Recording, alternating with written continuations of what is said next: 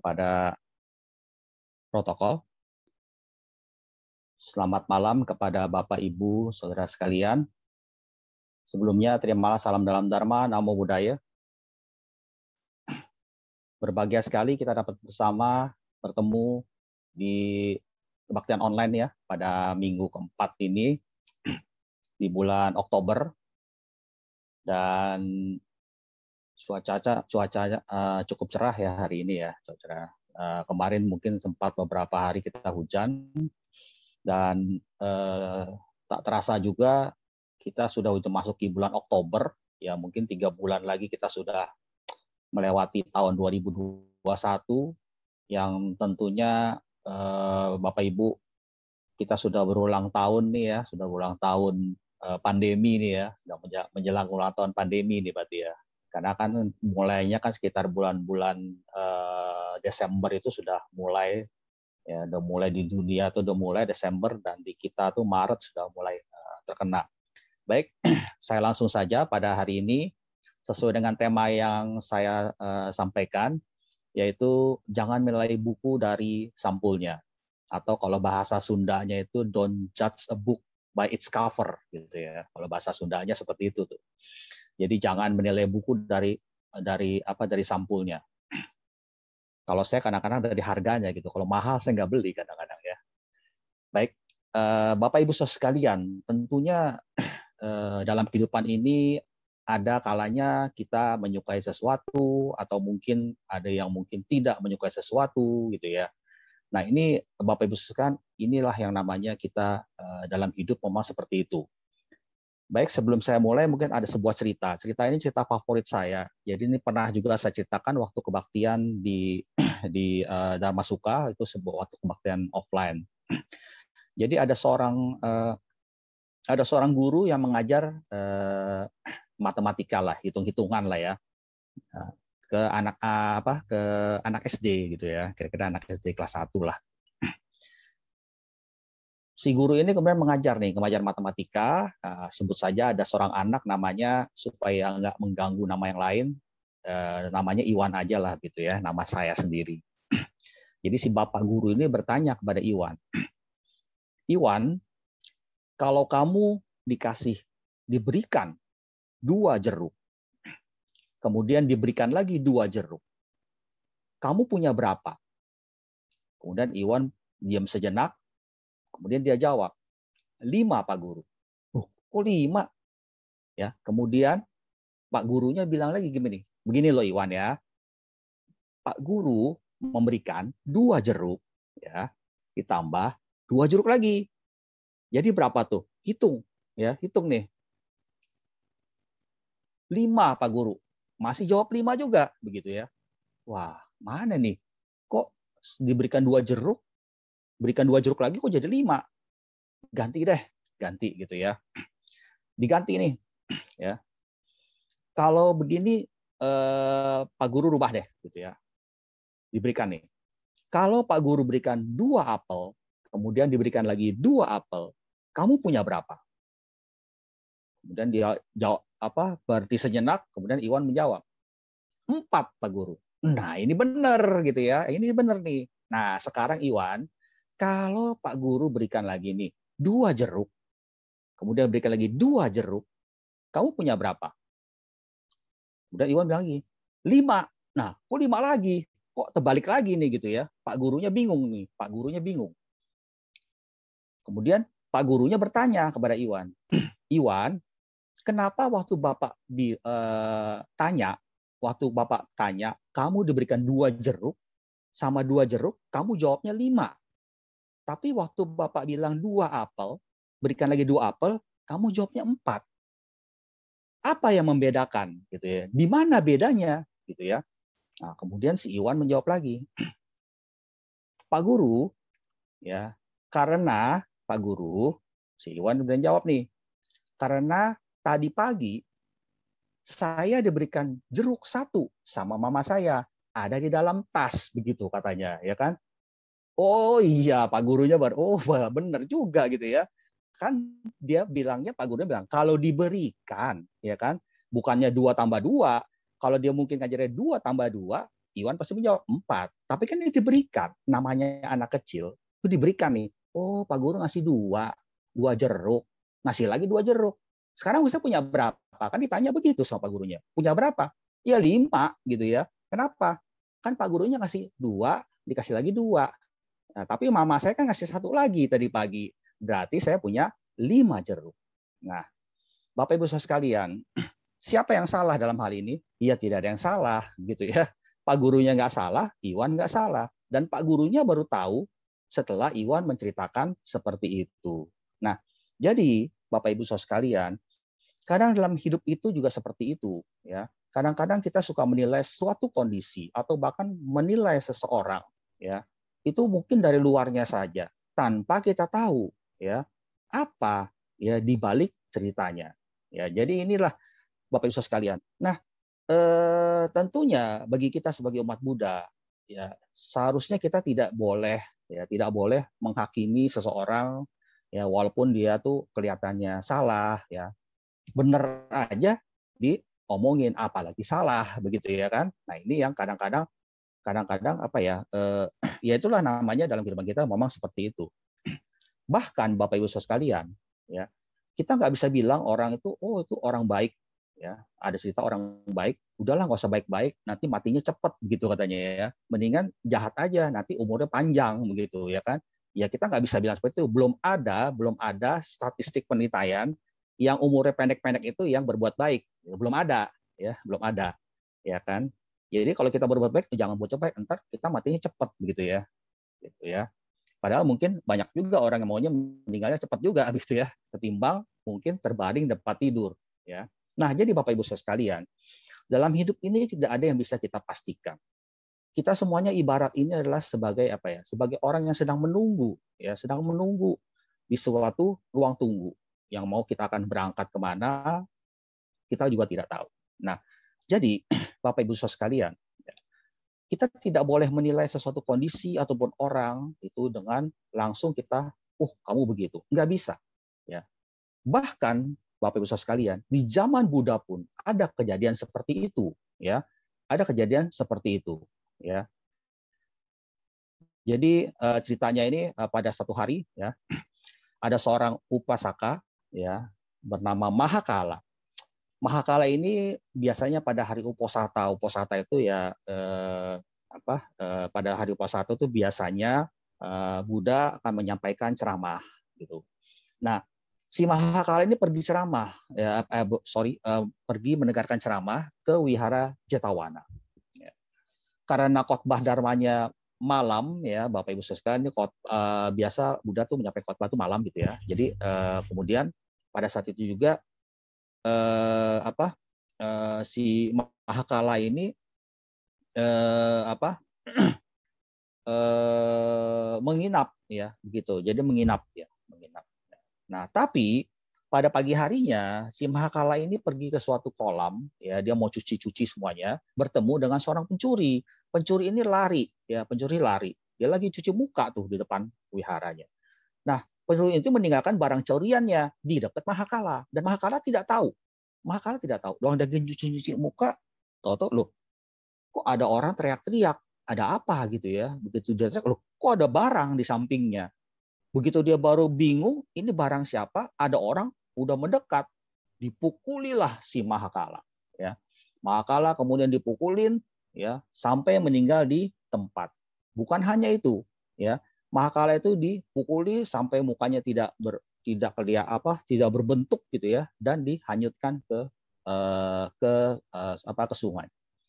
Nah, jadi Bapak Ibu sekalian, kemudian banyak orang kemudian ini siapa gitu ya yang meninggal gitu. Kasihan sekali kok meninggalnya seperti itu, mengenaskan gitu ya.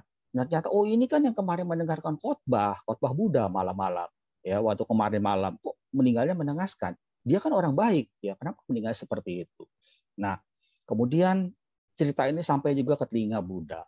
Nah, kemudian kemudian Buddha menja, uh, uh, uh, apa mengatakan Para biku, jika kalian hanya mengetahui perbuatan baik yang telah ia lakukan pada kehidupan saat ini, tentunya ia tidak akan ditemukan meninggal dunia secara tidak layak. Tapi kenyataannya, ia harus menerima akibat perbuatan jahat yang telah ia lakukan pada kehidupan lampaunya.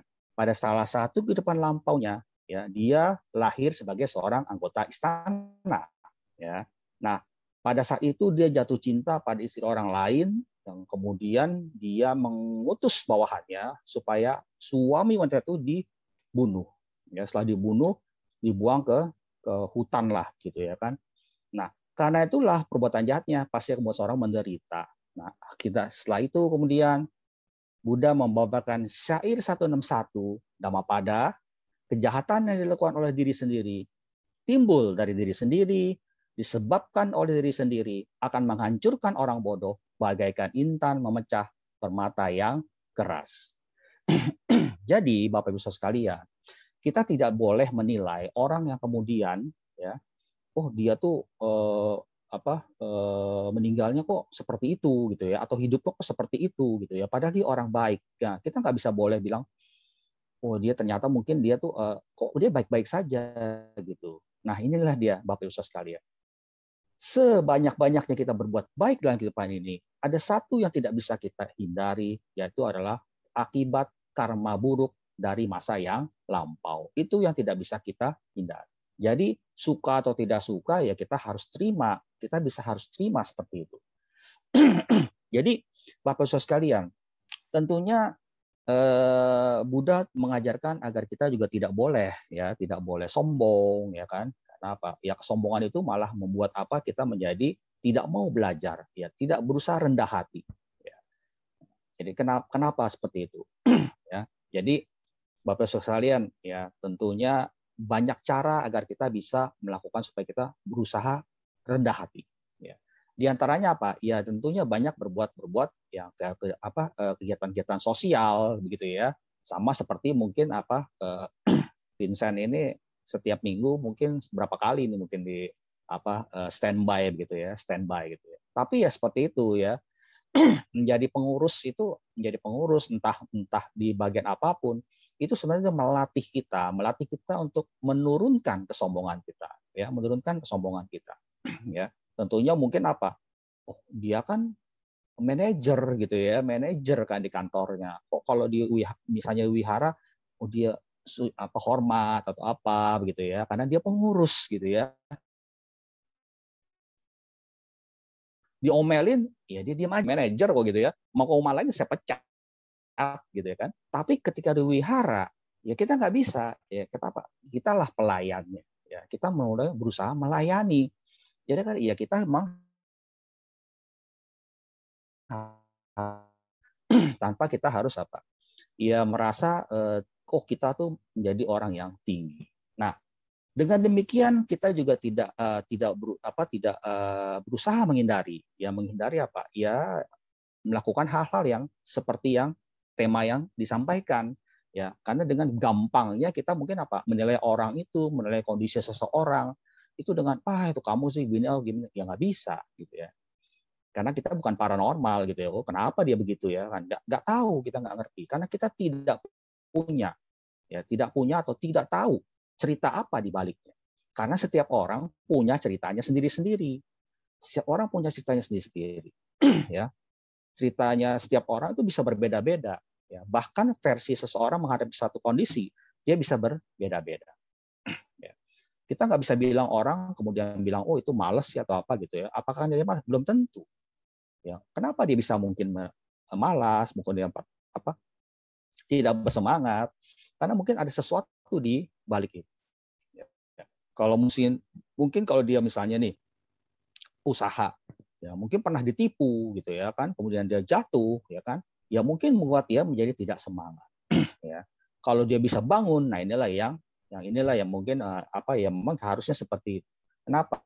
Karena hidup itu bukan seperti video game yang kemudian kita nggak suka kita simpen di mana bagus kita simpen nanti kalau jelek balik lagi gitu ya kan. Wah kalau hidup seperti itu semua orang pasti sukses. Ya. Kenapa orang bisa main game itu jago? Ya begitu kadang-kadang gitu ya. Dia pertama kan mau baru main game nih ya kan. Kalau main game nih dia nggak tahu tuh awal-awal wah kalah. Lama-lama dia pinter gitu ya oh musuhnya ini kalau saya main lagi dari ulang dah. Tapi begitu saya dapat yang bagus saya save aja saya simpen gitu kan. Mulai lagi nih. Oh kalah. Balik lagi gitu kan. Oh bagus save gitu kan. Nah seperti itu. Ya hidup nggak bisa seperti itu. Ya hidup tidak bisa seperti main game gitu. Oh, yang bagus kita simpan, kemudian jelek nggak bisa. Nah, jadi Bapak Ibu sekalian, kesombongan inilah yang harus diturunkan. Ya, agar kita tidak mudah menilai satu kondisi, ya menilai seseorang itu demikian mudahnya ya. Nah, karena apa Bapak Ibu sekalian? Kita semua lahir dari karma kita sendiri. Iya, memang benar ya, memang benar gitu ya. Karma sih oh kan saya kan sukses kan karena saya sendiri. Kamu nggak sukses ya kamu gara-gara itu gitu kan. Oh, kamu gini nih. Ya, kemudian jadi menghakimi. Ya tidak boleh gitu ya kan. Kenapa? Karena orang itu bisa bisa berubah. Ya, kita orang itu bisa berubah. Dalam hidup ini, ya dalam hidup ini saya pribadi sendiri punya prinsip ya janganlah kita ya kita harus menghindari ya menghindari apa yang pertama ya kita tidak boleh menghina orang tua kenapa karena kita akan jadi orang tua. Ada yang mau jadi muda terus? Nggak ada. Kalau dalam cerita kungfu, yang jadi muda itu cuma Cupek Tong, bocah tua nakal gitu ya. Yang ceritanya si apa tuh uh, apa sih salah satu guru uh, gurunya si uh, apa Yoko gitu ya. Buat Cupek Tong yang rambutnya putih, kemudian jadi hitam putih, kemudian jadi hitam semuanya gitu kan. Itu ya Cupek Tong gitu kan. Orang pasti akan tua terus. Jangan kita menghina orang tua kita bilang, oh mama kita gini, oh papa kita gini kan, oh mama kita budak, mungkin kita bisa lebih buruk lagi dari itu sekarang ya. Yang kedua, kita jangan menghina orang cacat. Ya. Kenapa? Karena kita yang sehat, ya memang karma kita orang jadi orang sehat. Tapi bisa jadi kemudian yang namanya dari sehat menjadi sakit atau kemudian menjadi cacat itu drastis gitu ya, bisa seperti itu ya. Saya pernah ketemu Bapak Ibu eh, eh, saya tinggal di Pondok Gede, tapi kerja saya di daerah Cengkareng. Jadi kalau saya berangkat tuh naik busway itu jam 4 pagi udah harus bangun. Ya. Jadi jam 5 kurang saya udah berangkat. Nah itu nah kalau pulang dari sana jam 6, jam 7, sampai rumah ya jam 9 malam. saya pernah ketemu ya, pernah ketemu sama waktu di turun di halte busway, ada seorang anak muda, ya, anak muda. Eh, dia tuh ternyata tunanetra ya tunanetra buta anak muda ini kurus badannya ya kurus hitam gitu ya kan kemudian kulitnya juga uh, ya gitulah agak kasar ya kebetulan ya saya pas turun di situ ya saya juga mau ke arah nyebrang juga ke turun. Waktu itu saya uh, masih naik gojek lah gitu ya. Turun ke uh, naik, naik jembatan penyeberangan. Nah saya ketemu dengan si tunanetra ini. Ya, masih muda lah. Kemudian saya tanya eh, apa bapak mau ke mana? Saya mau ke apa ke cuci katanya. Ke cuci gitu katanya ya. Cuci dia bilang cuci gitu ya kan. Karena orang Indonesia cuci sih nggak bisa bilang cuci gitu. Cuci. Karena kebetulan kantor saya tuh dekat sama apa sih dengan dekat dengan uh, cuci gitu ya cuci. Bapak oh ya udah ya sekalian lah gitu ya. Jadi barang turun gitu kan. Nah, sempat dia tuh uh, nanti bisa nggak dipanggilkan ojek atau apa gitu kata dia gitu kan. Ya udahlah kebetulan saya punya dulu tuh aplikasinya nggak bisa kalau kita megang uh, manggil kita manggil lagi. Ya kebetulan saya punya Gojek sama Grab. Ya udah saya pesankan aja gitu kan. Saya pesankan saja gitu kan. Bapak mau ke mana? Mau ke cuci katanya. Oh ya udah saya tanya bapak ngapain ke cuci gitu. Saya pikir mau apa sih? Kan ada kegiatan sosial atau apa begitu ya. Saya pikir begitu gitu ya. Ternyata apa sih bapak? Itu saya mau kursus. Di sana tuh ada yang ngasih kursus gratis katanya gitu ya. Bapak rumahnya di mana? Gitu kan? Ya rumahnya daerah Kalideres sanan lagi gitu kan. Jauh banget gitu ya, rumahnya jauh loh. Bagi orang yang tunanetra, naik busway, jauh-jauh, mau kursus. ya Kalau dibandingkan dengan saya mungkin seperti itu, bisa jadi mungkin saya tidak seperti dia begitu ya. Nah, itu ya udah gitu ya. Ya udah saya pesankan Gojeknya dan dia juga naik. Saya bilang sama tukang Gojek ya, "Pak, ini ke yang cuci ya, yang di sana gitu ya. Bapak tahu kan? Pak ya tahu ya udah. Pak nanti ini ya sudah dibayar nggak usah. Jadi lewat saja.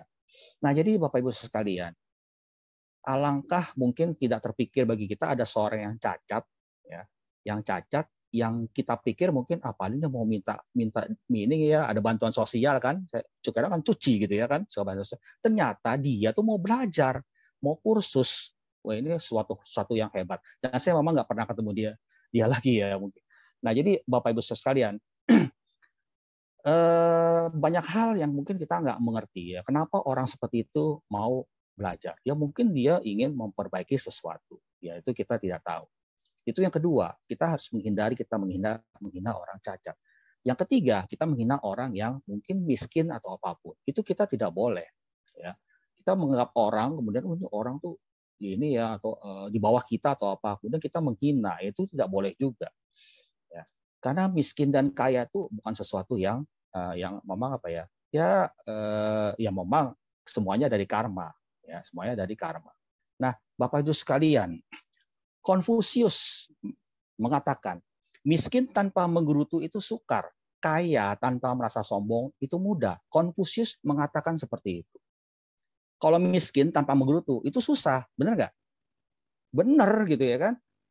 Coba kalau orang miskin ya kekurangan ya dia menggerutu wajar, wajar kan? Wajar. Kita aja nggak punya uang bisa menggerutu, benar nggak? Ya kan? Apalagi orang yang mungkin mohon maaf yang miskin, yang di bawah, yang di bawah itu yang mau makan aja mungkin dia nggak tahu ya miskin tanpa menggerutu itu susah, susah lah pokoknya gitu ya. Budakan juga seperti itu gitu kan. Ya kan? Kalau misalnya ada orang yang mungkin dalam posisi miskin atau dia lapar atau apa, ya pasti dia nggak bisa. Ya, dalam salah satu ceramah Buddha kan pernah ada seseorang yang jauh-jauh datang, padahal udah terlambat. Ya, padahal udah terlambat. Datang nih, mau dengerin khotbah. Sang Buddha tahu dia harus khotbah supaya orang ini mencapai sotapana gitu ya. Jadi ditunggu, ditunggu. Ya, itu kado Buddha. Ya, kalau saya ya nggak tahu, ya, jangan ditunggu lah, diem aja gitu. Orang saya nggak tahu ya mau dapat sotapana atau tidak ya. Ditunggu. ya. Setelah datang, apakah Buddha langsung ceramah? Tidak. Orang itu apa ya? Disuruh makan dulu. Ya makan dulu. Setelah udah siap makan, dia datang, udah seger, baru Buddha khotbah. Kenapa? ya orang kalau dalam keadaan kekurangan, kelelahan, kecapean, nggak konsen, nggak konsen gitu ya kan. Nah jadi begitu, miskin tanpa menggerutu, ya itu sukar. Tapi kalau kaya tanpa menjadi sombong, harusnya itu mudah, gitu ya. Harusnya itu mudah. Konfusius mengatakan seperti itu. Dan Buddha pun mengajarkan supaya kita itu supaya kita bisa menekan ego ya kan? Jangan sebentar-bentar itu mengadakan ego apalagi sudah punya jabatan. Nah ini yang masalah ya kan? Kalau kita punya jabatan kan suka seperti itu ya. Kadang-kadang saya suka juga seperti itu. Oh saya di, di, di seperti itu ya. Padahal saya kalau di kantor enggak seperti itu gitu ya. Kadang-kadang suka naik ya. Udah biarin aja lah gitu ya kan? Sama-sama sama-sama lah gitu ya kan? Ya mungkin karena dia melakukan hal yang salah saya pun juga melakukan hal yang salah. Ya saya bukan orang yang 100% baik ya tapi berusaha melakukan baik. Sama seperti tadi Pancasila, ya kan? Panatipata weramani sika padang sama diami. Saya berusaha menghindari menghindari pembunuhan. Itu sikap kita menghindari, ya kan? Menghindari pembunuhan. Jadi aktifnya harus bagaimana? Ya harus menangguhkan cinta kasih begitu ya. Jadi bukan cuma menghindari pembunuhan, tapi nggak ngapa-ngapain gitu, enggak. Buddha tuh mengajarkan ya dua sisi ya. Yang satu pasif tapi di satu sisi aktif ya. Berusaha menghindari pembunuhan ya. Panatipata weramani. Tapi di satu sisi kapan? Ya harus melakukan cinta kasih. Gitu loh. Ya kan? Jadi kemudian apa? Berusaha eh, apa ya, musawada weramani sika padang sama diami berusaha menghindari berdusta, ya, omongan tidak tidak benar, berusaha. Berarti aktifnya seperti apa? Berarti ucapan benar, harus melakukan ucapan yang benar. Jadi ada dua sisi gitu. Jangan diem aja gitu ya kan. Jangan diem aja. Kalau diem aja ya, ya ngapa-ngapain. Berarti menghabiskan ya menghabiskan kontrak aja gitu, kontrak hidup gitu. Tapi nggak ada tabungan lagi ke depannya. Karena kita kan punya dua bank nih tabungannya, satu karma baik, satu karma buruk. Mana yang punya bunganya duluan ya kita nggak ngerti. Kita nggak tahu ya. Nah, jadi Bapak Ibu sekalian, tidaklah tidaklah pantas bagi kita ya. Sebentar-bentar itu meng, apa namanya tuh ya. Kalau zaman sekarang itu bahasa gaulnya kepo gitu ya, kepo ya. Jadi kepo tuh, kepoin orang gitu kan. Ini ini, ini, ini gitu kan.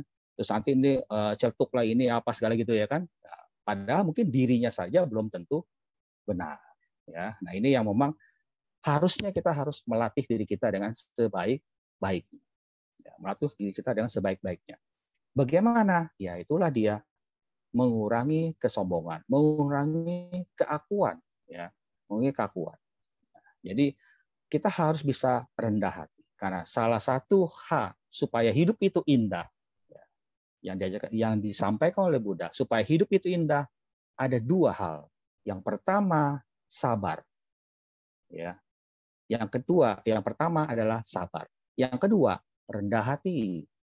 Kalau kita bisa sabar dan rendah hati, hidup akan menjadi indah. Ya kan? Itulah dia. Jadi Bapak Ibu sekalian, tentunya dalam hal ini kita semua harus sama-sama saling membantu gitu ya, bukan saling mengkritik ya. Mengkritik kami kata kalau kritiknya baik ya silakan saja gitu ya. Tapi kadang-kala eh, ke ada orang itu mungkin kritiknya benar, cuman cara penyampaiannya salah, jadinya jadi salah gitu ya, salah tangkep ya. Zaman sekarang tuh seperti itu tuh Bapak Ibu. Maksud kita benar, tapi karena salah caranya, ya kita yang menjadi salah ya. Ini yang ya itulah dia zaman zaman sekarang seperti itu. Nah, jadi Bapak Ibu sekalian, nilailah pertama adalah kalau misalnya ada sesuatu, balikan dulu ke diri kita sendiri gitu ya. Jangan kita menilai menilai orang itu, menilai kondisi itu langsung kita nilai. Nilai oh oh iya gitu ya. Oh ya udah, janganlah kita melakukan seperti itu ya. Jadi itu dijadikan sebagai pelajaran. Memberikan nasihat, ya itu boleh. Tapi berikanlah nasihat pada kondisi saat yang pada saat apa? Ya yang yang yang apa ya? Yang mungkin apa? Yang kondisi yang tepat, ya kondisi yang tepat. Ya. Bagaimana caranya? Kalau ada teman kita marah-marah atau apa gitu kan, ya langsung kita kasih, nasihat, nggak bakal dia denger, gitu, nggak bakal denger, gitu ya. Udah, udah, udah, udah, yo, yo, yo kita makan dulu, makan dulu, gitu ya kan, yo makan dulu lah, makan gitu, apa. Nanti udah tenang kan gitu kan, udah tenang, baru kita kasih nasihat, gitu kan ya. Jangan kita kasih nasihat, dia malam, oh apa lu nasihatin gue? gitu deh semarah dia nanti gitu kan. Ya ayo makan makan dulu makan dulu. Coba. Nanti udah ini ada apa sih tadi? Kan seperti itu ya kan nah itulah dia ya kan? Nah jadi bapak ibu sekalian ya memang seperti itulah ya. Jadi eh, kunci supaya kita tidak berusaha menghakimi orang lain menilai suatu kondisi yaitulah dengan kerendahan hati. Ya, Buddha mengajarkan itu kerendahan hati. Dan setelah itu banyak-banyaklah kita bersyukur, ya kan? Nah, kalau bersyukur kan kita, oh ya, kita masih lebih beruntung dibandingkan orang lain, masih lebih beruntung dibandingkan orang lain. Ya kalaupun kita misalnya sakit, ya, ya inilah sakit yang memang saya harus terima, gitu ya kan?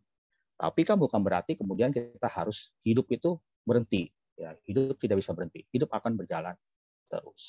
Ya. Nah, jadi eh, Bapak Ibu sekalian, itu yang saya sampaikan pada uh, malam ini. Uh, saya serahkan kepada protokol dulu, mungkin jika ada tanya jawab.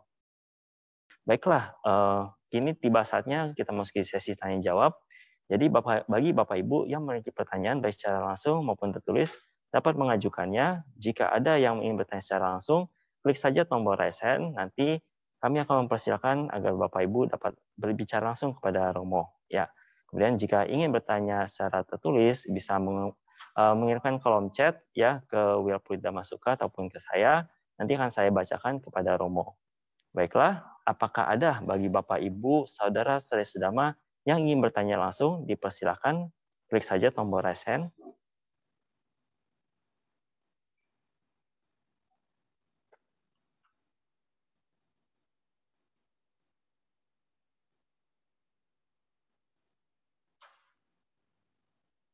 Kita tunggu ya Romo, masih belum ada yang bertanya. Ataupun bagi Bapak Ibu yang ingin bertanya secara tertulis, bisa langsung dikirimkan ke kolom chat. Kami persilahkan.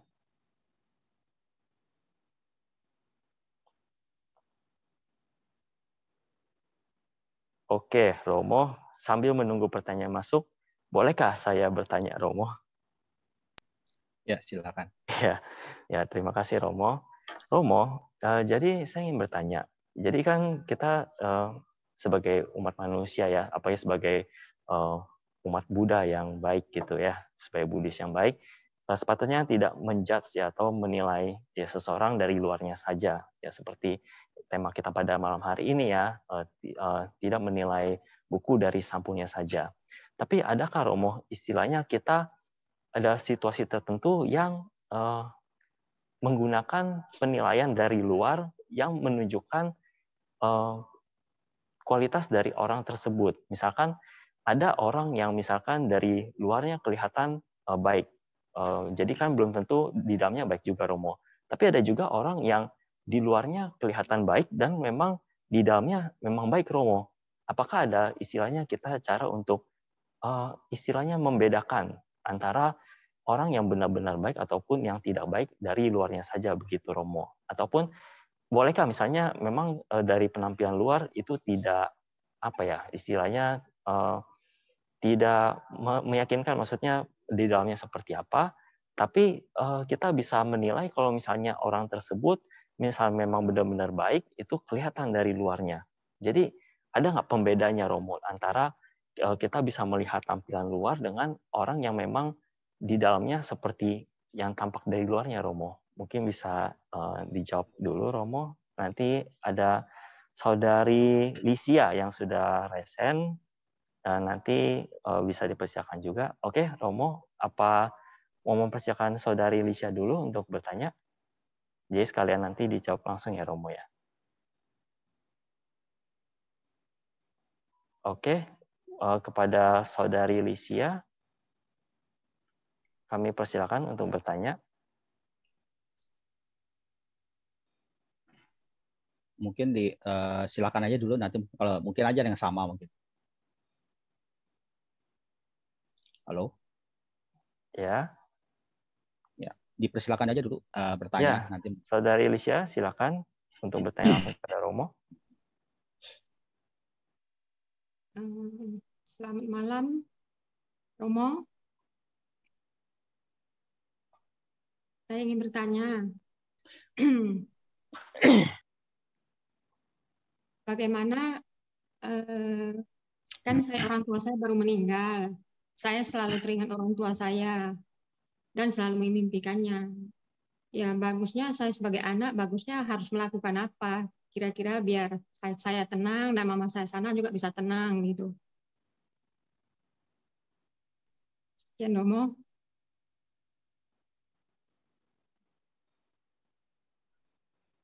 ya uh, protokol saya jawab satu-satu ya berarti ya. Ya, silakan Romo. Saya jawab dulu dengan yang pertanyaan pertama dari uh, Vincent. Jadi memang uh,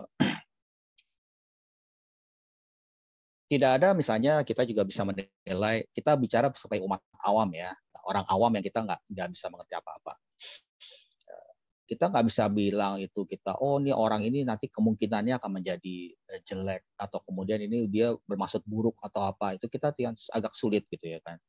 Tapi dalam hal ini eh, bukan berarti juga ya eh, apa ya kita juga harus apa ya ya sudahlah katanya kan nggak usah ini nggak usah kepo gitu kan ya. Berarti ya udahlah kita diemin aja gitu kan. Bukan seperti itu juga ya kan Ingat kalau Buddha juga mengajarkan kalau kita menjadi orang yang harus waspada, ya kan?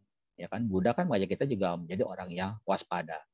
Ya, tapi dalam hal ini kewaspadaan kita ini lebih kepada supaya apa? agar kita bisa melindungi diri kita dengan baik, ya melindungi diri kita dengan baik.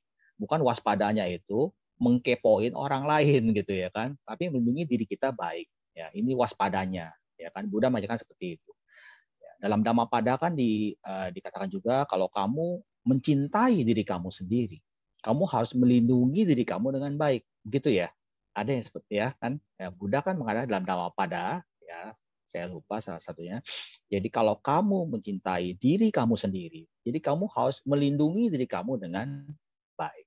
Ya kita udah sayang diri kita, ya biarin aja. Misalnya mau nyebrang nih, nyebrang jelatan, ya udahlah kalau karma kita mati ya mati gitu kan, nyebrang nyebrang aja gitu kan. Ada yang berani nyebrang di Gajah Mada siang-siang gitu kan, nyebrang aja gitu ya, nyebrang gitu kan ya, terserah lah. Kalau saya ketabrak mati ya sudah gitu kan. Kalau enggak ya berarti karma saya belum sampai. Ya kan nggak bisa seperti itu. Kalau kita cinta diri kita dengan baik, ya kita harus melindungi diri kita dengan baik.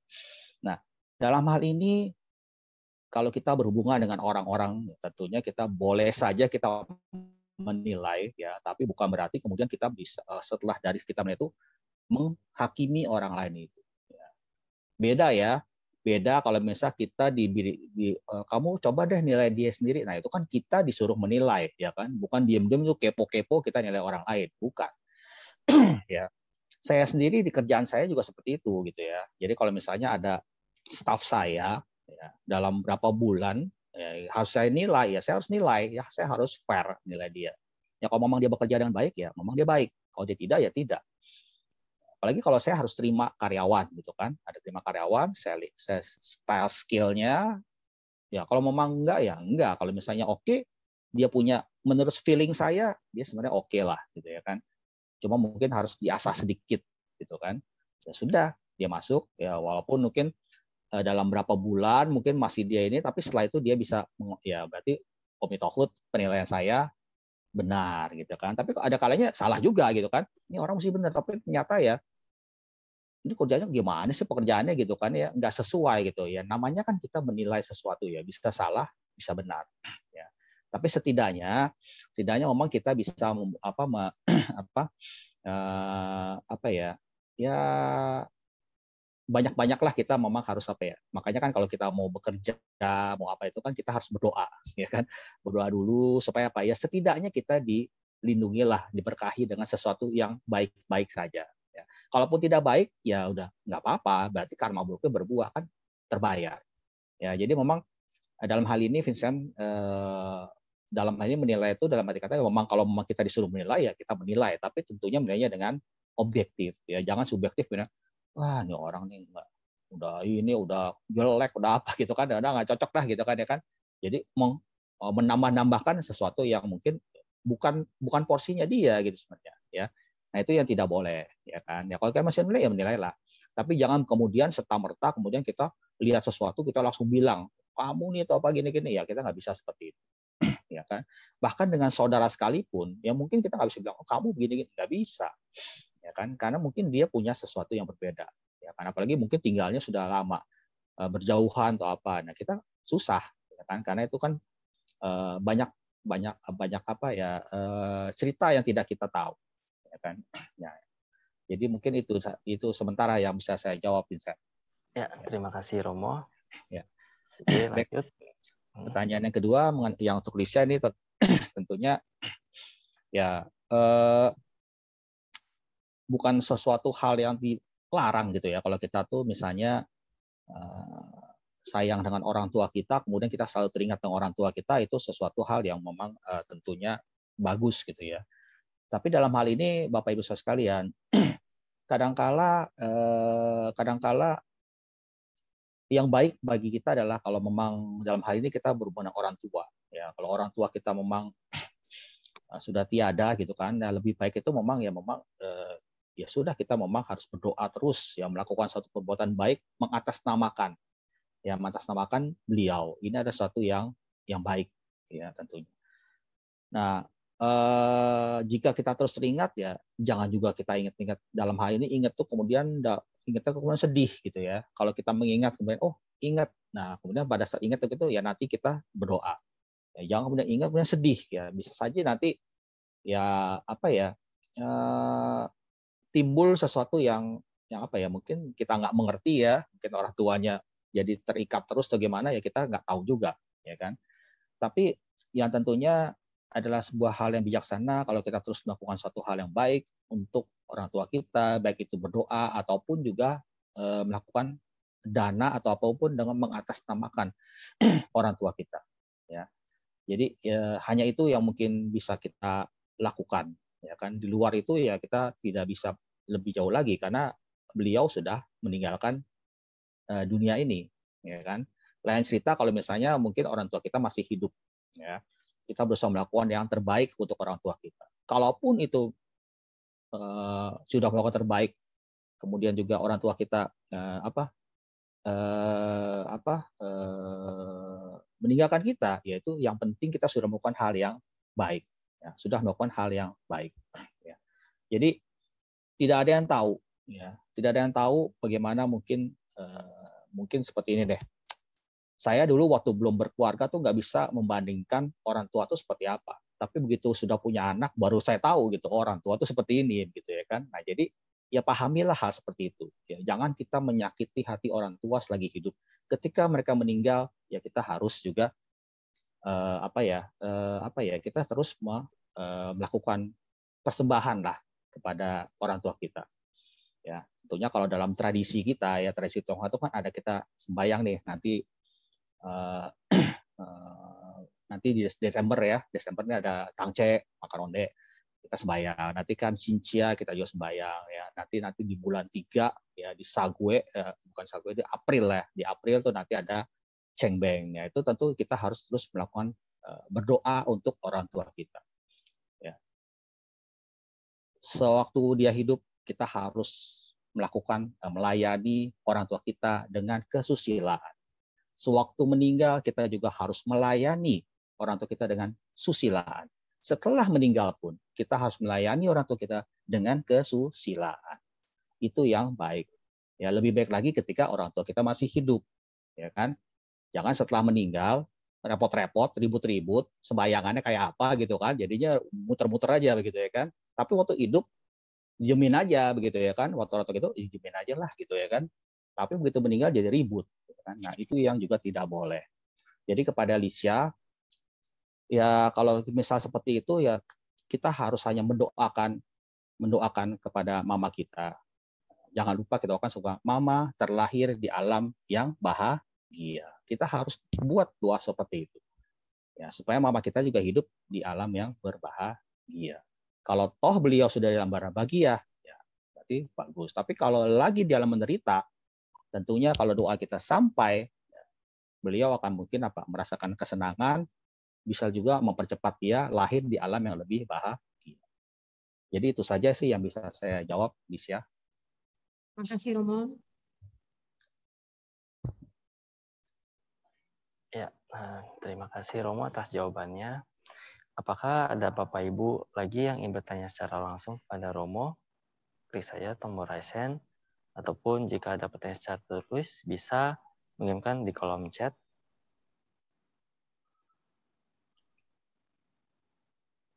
Kita tunggu sebentar ya Romo.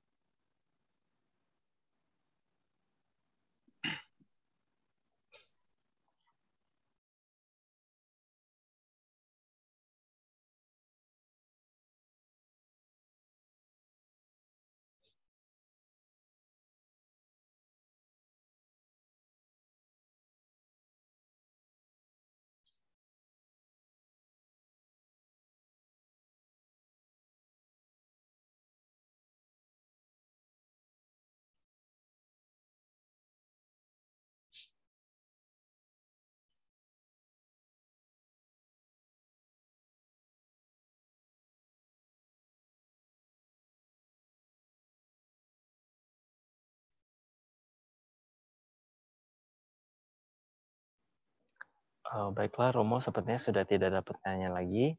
Romo, apakah berkenan untuk menyampaikan closing statement, Romo? Baik. Ya, terima kasih. Jadi kesimpulan pada uh, ceramah pada minggu ini adalah janganlah kita menilai satu kondisi ataupun seseorang itu dari kulit luarnya saja, karena kita tidak mengetahui cerita di balik itu. Yang kedua, berusahalah kita melakukan hal yang bisa mengurangi kesombongan kita, ya kita harus berusaha rendah hati agar kita bisa uh, tetap uh, membina diri kita menjadi lebih baik. Karena tentunya kita semua ingin menjadi satu yang uh, seseorang yang menjadi hal yang lebih baik di kemudian harinya. Tidak ada orang yang punya cita-cita ah nanti saya mau turun lah dari manusia nanti ke alam neraka gitu kan nggak ada pasti semuanya mau jadi dewa. Minimal jadi dewa gitu kan minimal ya, atau mungkin jadi orang yang lebih manusia mungkin yang lebih ya kehidupannya mungkin lebih daripada yang sekarang. Jadi itu saja kesimpulan pada uh, minggu ini. Semoga kita semuanya bisa menjalankan hidup ini dengan sebaik-baiknya. Sebelumnya, marilah kita semua bersikap panjali.